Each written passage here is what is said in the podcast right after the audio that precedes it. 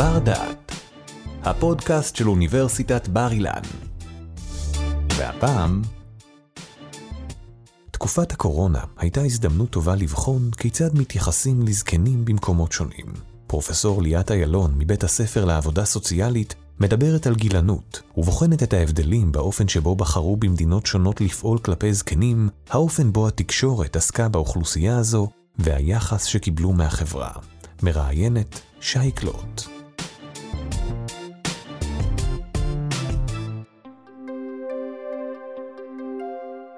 שלום וברוכים הבאים לבר דעת.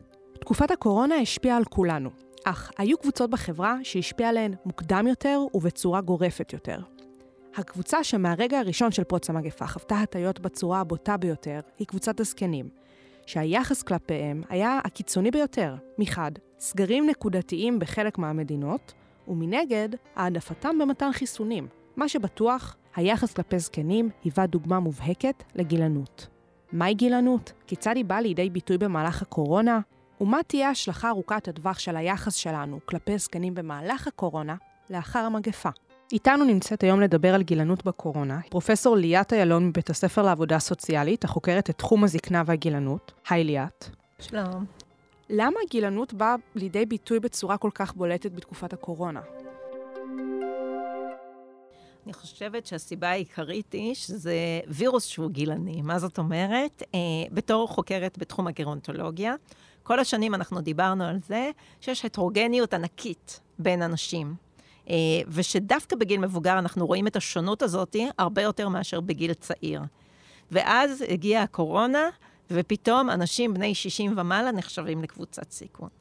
ובעצם גיל כרונולוגי הפך להיות איזשהו סמן שאומר שיש מי שהם פחות פגיעים ומי שיותר פגיעים. אה, וזה לא היה קודם. וברגע שאנחנו התחלנו להתייחס לגיל כרונולוגי, בלי להתייחס למאפיינים פיזיולוגיים ולמצב בריאותי ולכל הדברים האחרים שבעבר התייחסנו, ועכשיו פתאום רק גיל מקבל את כל המשקל, זה ישר אה, הוביל לאיזושהי הצפה ולמגפה אה, גילנית בעצם, במקביל למגפה הרפואית של הווירוס, אה, של הקורונה. אנחנו נמצאים בתקופה שבה יש משאבים מוגבלים. וכשיש משאבים מוגבלים, יש לנו איזושהי נורמה בראש שאומרת שהאנשים הצעירים זכאים ליותר. הם צריכים לקבל את זכות הקדימה, והמבוגרים צריכים לזוז הצידה ולא להעמיס על מערכת הבריאות, ולא לצרוך יותר מדי שירותים.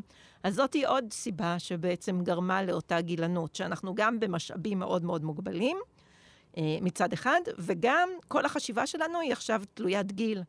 אה, וזה הוביל לזה שצעירים חשבו שהווירוס הזה בכלל לא שייך להם וזאת לא המחלה שלהם, כי זאת מחלה רק של אנשים זקנים, ובעצם הוביל גם לאיזשהו מאבק בין הדורות על משאבים מצומצמים, עוד הפעם.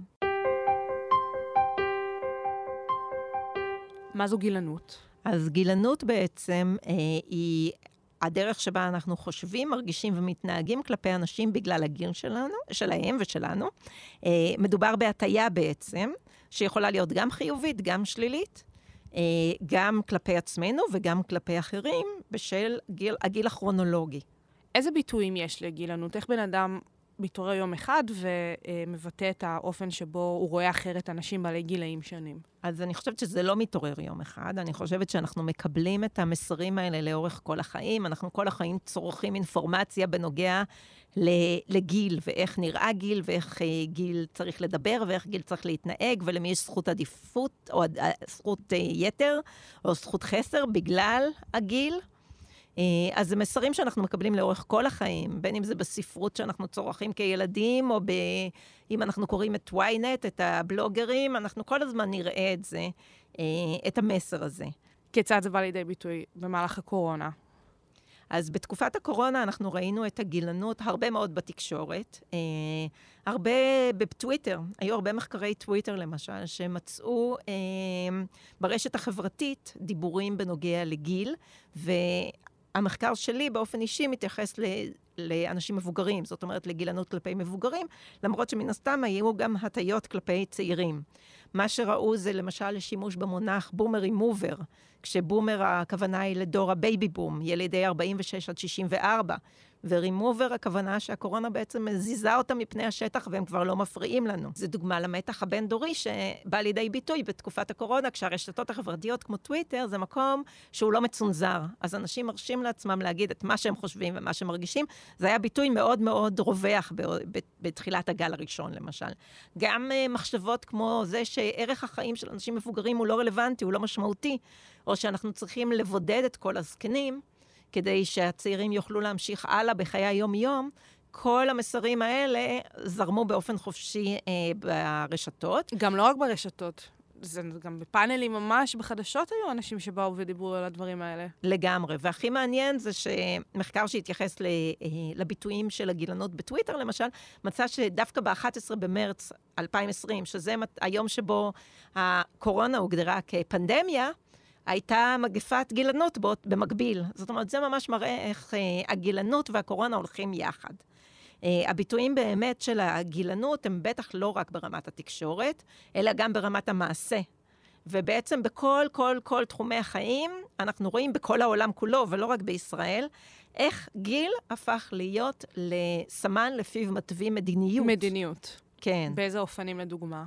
גם בנוגע לסגרים, אז היו מדינות אפילו כמו בריטניה, שדיברו על זה שבני 70 ומעלה צריכים להיות uh, בבית לבד, כדי ששאר הציבור יוכל להמשיך הלאה.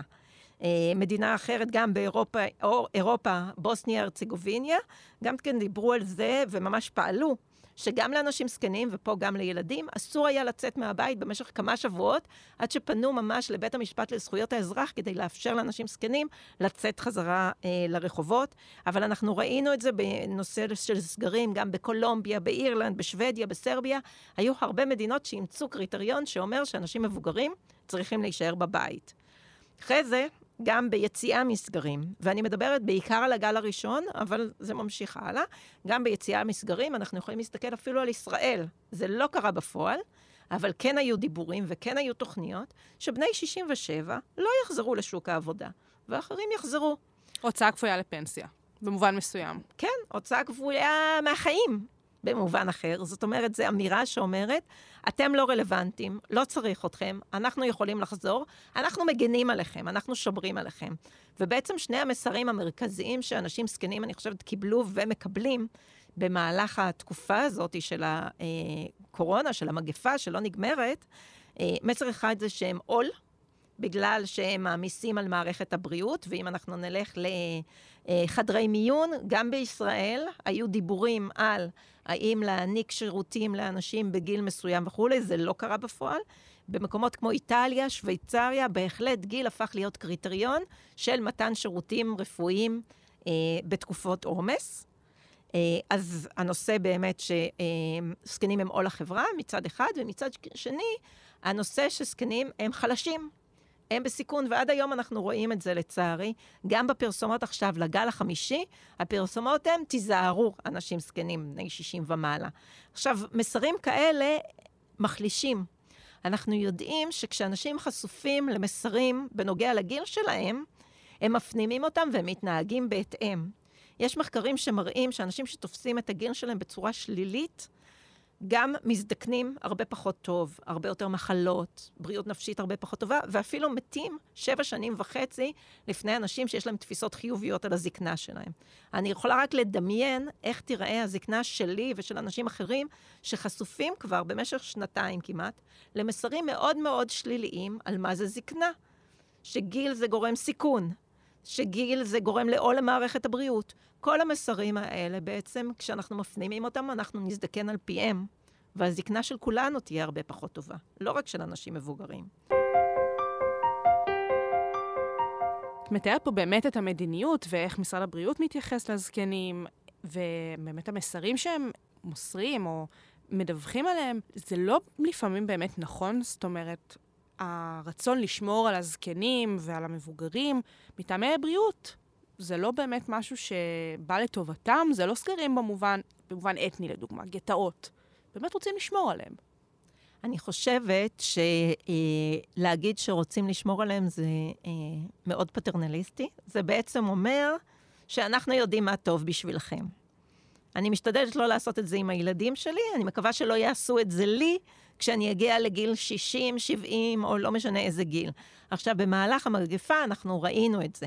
ראינו שיש ניסיון לכאורה להגן על אנשים מבחינה פיזית, במחיר של בריאות נפשית שבהחלט, בהחלט הושפעה ו- ויש דיווחים על פוסט-טראומה ועל חרדה וכולי. אנחנו ראינו את זה במיוחד באותם מקומות שאפשר היה לשלוט באנשים. בתי אבות. בתי אבות ודיורים מוגנים. שדיורים מוגנים לכאורה זה לעצמאים, אבל בהחלט בגל הראשון היה חרד, הייתה חרדה מאוד מאוד גדולה בקרב כל מנהלי בתי אבות, ואני לא מאשימה אותם, באמת לא ידענו מה עושים באותה תקופה, וזו באמת הייתה תקופה מעוררת חרדה וחשש. אבל מה שקרה בפועל זה שהאנשים האלה, ואני אשתמש באחד הציטוטים שהם בעצם בעצמם דיברו עליו, הפכו להיות שבויים של גילם, של הגיל שלהם. זאת אומרת, העובדה שהם היו בגיל מסוים, במקום מסוים, שזה או דיור מוגן או בית אבות, הפכה אותם לשבויים, שהם לא יכלו לצאת מאותה יחידת דיור, הם לא יכלו לשמור על קשר עם העולם החיצון. עכשיו, עוד פעם, אני חושבת שבתקופת הקורונה, אה, זכויות האדם של כולנו מופרות, לא רק של אנשים מבוגרים. אבל במקרה של אנשים מבוגרים הייתה הפרה הרבה יותר גדולה, וגם היה להם הרבה פחות בחירה, במיוחד לאותם אנשים שנמצאו במוסדות. אה, אני יכולתי לבחור אם אני אה, מקשיבה לסגר או מפרה את הסגר. כשאתה דייר בדיור מוגן ולא נותנים לך לצאת מהחדר, פשוט לא נותנים לך לצאת מהחדר. וההשלכות של זה היו מאוד מאוד קשות. אני יכולה להגיד שאותם אנשים שהיו ניצולי שואה, ממש הרגישו כאילו הם חווים מחדש את השואה, כולל סימפטומים, כולל חזרה למגפה, כולל הסתרה והסתתרות. כל הדברים האלה פרצו שוב לחייהם בתקופת הקורונה. אז לכאורה, אנחנו הגענו על אנשים באופן פיזי, אבל מבחינה נפשית אנחנו פגענו בהם. והיום אני חושבת שיש הרבה יותר הבנה להשלכות של זה על אנשים. זה לא אומר שאנחנו לא ממשיכים להשתמש בביטויים שהם לא נכונים, שהם מפחידים ומכלילים ו- ומקשים אחר כך, אני חושבת, על החזרה לחיים. זאת אומרת, הקורונה פה, והיא כנראה פה כדי להישאר נכון. תקופה ארוכה. כשאומרים לאנשים שהם בסכנה מאוד מאוד גדולה, הם יוותרו על הטיפולים הרפואיים הרגילים שלהם. כי הם לא רוצים לצאת מהבית. בדיוק. הם יעדיפו כבר להישמר ולהישאר. בדיוק, הם יוותרו על הקשרים החברתיים, הם יוותרו על הפעילות הגופנית. לכל הדברים האלה זה גם סכנה, לא פחות מהקורונה. מה גם שאולי אנחנו עשינו אינטרפטציה של התקופה הזאת לאמצעים טכנולוגיים, דבר שקשה לאנשים זקנים. לחלק מהאנשים המבוגרים זה יותר קשה, לחלק זה פחות קשה. בכל מקרה, זה ברור שאמצעים טכנולוגיים זה לא יכול להיות אלטרנטיבה בשנתיים הקרובות. יש למטבע גם צד שני. אנחנו מציגות כאן את כל התופעות הבאמת שליליות שקרו במהלך הקורונה כלפי הזקנים וגילנות בצורה מאוד מאוד בוטה. מצד שני, גם לצורך העניין החיסונים, כן באו לקראת הזקנים. בישראל, בישראל. זה נכון. בישראל אנחנו ראינו בעצם זאת גילנות חיובית לכאורה. שאמרו שלזקנים יש העדפה, וזה טוב מאוד וזה נכון מאוד. עוד פעם, בהתחשב בזה שגיל כן גורם סיכון אה, בלתי תלוי אה, לקורונה. מצד שני, יש מדינות שבהן אנחנו לא ראינו את זה. אה, באסיה, הרבה מאוד מדינות, תאילנד, אה, סין, דווקא היה חיסון שיועד רק לצעירים, ולא נתנו אותו לאנשים מבוגרים, למרות שהם הקבוצה שהכי צריכה אותו. מלכתחילה בנו חיסון שלא מתאים לזקנים? אה, לא אפשרו לזקנים להתחסן. אה, הגבילו את הגיל ונתנו אותו רק לצעירים, עוד פעם, מתוך איזו מחשבה ניאו-ליברלית שהם צריכים ללכת לשוק העבודה, והזקנים לא נורא. עכשיו, אני כן יכולה להגיד שאפילו אה, בהקשר של החיסונים, אנחנו כן ראינו אפליה בהקשר של הבדיקה של החיסונים. זאת אומרת, החיסונים נבדקו על אנשים צעירים, כי זו הקבוצה הנקייה והקלה לבדיקה. יש עם זה בעייתיות. וזה לא רק בהקשר של קורונה, אלא בהקשר של הרבה מאוד טיפולים, גם תרופות נגד דמנציה, גם תרופות אה, נגד בעיות לב או סוכרת. הכל משפיע בגילאים הרבה יותר מאוחרים, ובכל זאת התרופות מנוסות על אוכלוסיות צעירות, בריאות וחזקות. דיברנו קודם לכן על התקשורת וכיצד זה בא לידי ביטוי תופעות הגילנות במהלך הקורונה, ואת רוצה לספר על אה, כיצד זה בא לידי ביטוי בעיתונים בהקשר של החיסונים, לשלב באמת את שני הדברים האלה יחד. אז באמת, במחקר שעשתה סטודנטית שלי, אה, לורה אלן, אה, לדוקטורט שלה, היא הסתכלה על כתבה אחת שהתפרסמה בניו יורק טיימס ב-1 לדצמבר 2020. זאת הייתה כתבה שתיארה בעצם את האופן שבו ארה"ב הולכת להקצות את החיסונים והיא הסתכלה על הטוקבקים, על ההערות שכתבו אנשים, ואיך הם התייחסו לנושא של גיל מצד אחד, וחיסונים מצד שני. ומה שהיא מצאה זה שאנשים אה, אפיינו את התור לחיסונים, או את הפריוריטי לחיסונים, אה, כעל ציר של תרומה לחברה, תרומה לכלכלה, מול אה, פגיעות. ובעצם, דבר ראשון, היו הצוותים הרפואיים. הם תורמים לחברה, וזה לא רק הצוותים הרפואיים, זה גם בעלי חנויות המכולת וכולי, כל מי שמשאיר את הכלכלה פתוחה. הם נחשבו כהכי חשובים בעצם, בגלל שהם מצד אחד פגיעים, כי הם חשופים, ומצד שני, הם תורמים לחברה ולכלכלה. אנשים בדיורים מוגנים, במוסדות, נתפסו ככאלה שהם באמת מאוד מאוד פגיעים, אבל הם לא תורמים לחברה. היא ראתה גם בתגובות של ההערות ככה, שהרבה אנשים מבוגרים בעצם מפנימים את המסרים האלה ואומרים, אנחנו לא צריכים להיות ראשונים. אנחנו כבר עשינו את שלנו, כדאי שהצעירים קודם ילכו. יוזמה אישית. יוזמה אישית והפנמה של אה, אנחנו פחות חשובים לחברה. של המסרים החברתיים. כן, כן. עכשיו, זה מחקר שנערך בארצות הברית, ואני חושבת שזה מאוד משקף את התרבות בארצות הברית בהקשר של uh, כלכלה, של תפיסה ניאו-ליברלית שאנחנו צריכים לתרום לכלכלה. ואם אתה לא תורם לכלכלה, אתה לא נחשב. אני חושבת שישראל קצת אחרת בהקשר הזה. אבל זה ככה עלה מאוד מאוד חזק, הנושא שמי שמקבל את העדיפות ואת זכות הקדימה, זה מי שבאמת תורם לכלכלה ומניע את המנועים שלה. אנחנו מדברות על גילנות בקורונה, אבל אנחנו יכולות לנחש ולשער שהתופעה הזאת לא תישאר רק בגבולות הגזרה של המגפה, ובאמת אה, כל מיני אה, תופעות גילנות שעלו בתקופה הזאת ישפיעו עלינו לעתיד. איך זה יכול באמת לבוא לידי ביטוי? האמת היא שאחד המחקרים שהתחלתי לעשות בעקבות, אני חושבת, הקורונה, זה כל הנושא של שינויי אקלים והמתח הבין-דורי. כי בעצם מדובר עוד הפעם על הנושא הזה שיש לנו משאבים מצומצמים, והם צריכים להתחלק בין הדורות. ואם אנחנו נדבר על דור אחד כעושה או לא עושה מול דור שני שנדפק או לא נדפק, אנחנו לא נגיע רחוק. ואני חושבת שבאמת אנחנו צריכים להתחיל לשנות קצת את השיח שלנו ולהבין שאנחנו בחברה אחת. כולנו פה יחד. להיות. בדיוק. וכולנו סובלים ביחד במקרה הזה, וגם במקרה של שינויי אקלים, שזה לא אשמתם של המבוגרים שאנחנו הגענו למצב הזה והם לא עשו מספיק והם צורכים עכשיו על חשבון הצעירים, אלא להבין שגם האוכלוסייה המבוגרת בעצם, אם אנחנו מדברים נגיד על שינוי אקלים, גם היא מושפעת משינויי אקלים, אפילו יותר פגיעה לשינויי אקלים מאשר אנשים צעירים. אה, ולכן לכולם בעצם יש אינטרס. אם זה שינוי אקלים, אם זה הקורונה, לכולם יש אינטרס לצאת מזה ביחד. אז השיח צריך להיות הרבה פחות מקטב, והרבה פחות להדגיש את הנושא של גיל כרונולוגי כל הזמן. אה, וגם אני חושבת שאנחנו צריכים לזכור שגם המגפה וגם כל צרה אחרת שלא תיפול עלינו, זו לא סיבה להפרה של זכויות אדם, שאנחנו ראינו את זה על ימין ועל שמאל בשנתיים האחרונות. אה, זה משהו שאנחנו צריכים להפנים ולקוות שישתנה.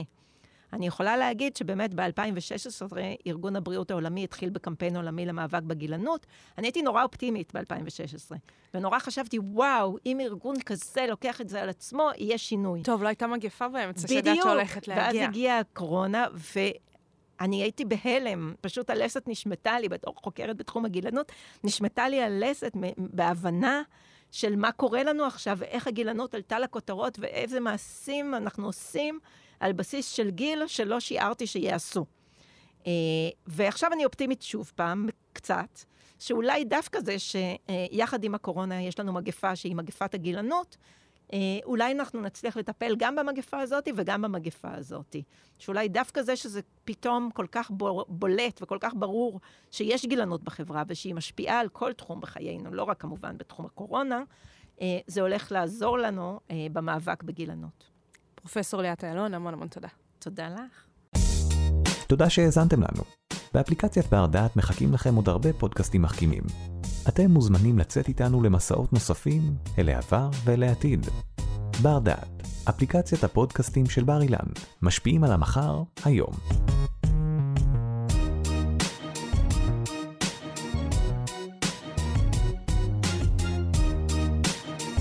ערכה והפיקה שי קלוט. תודה על ההאזנה.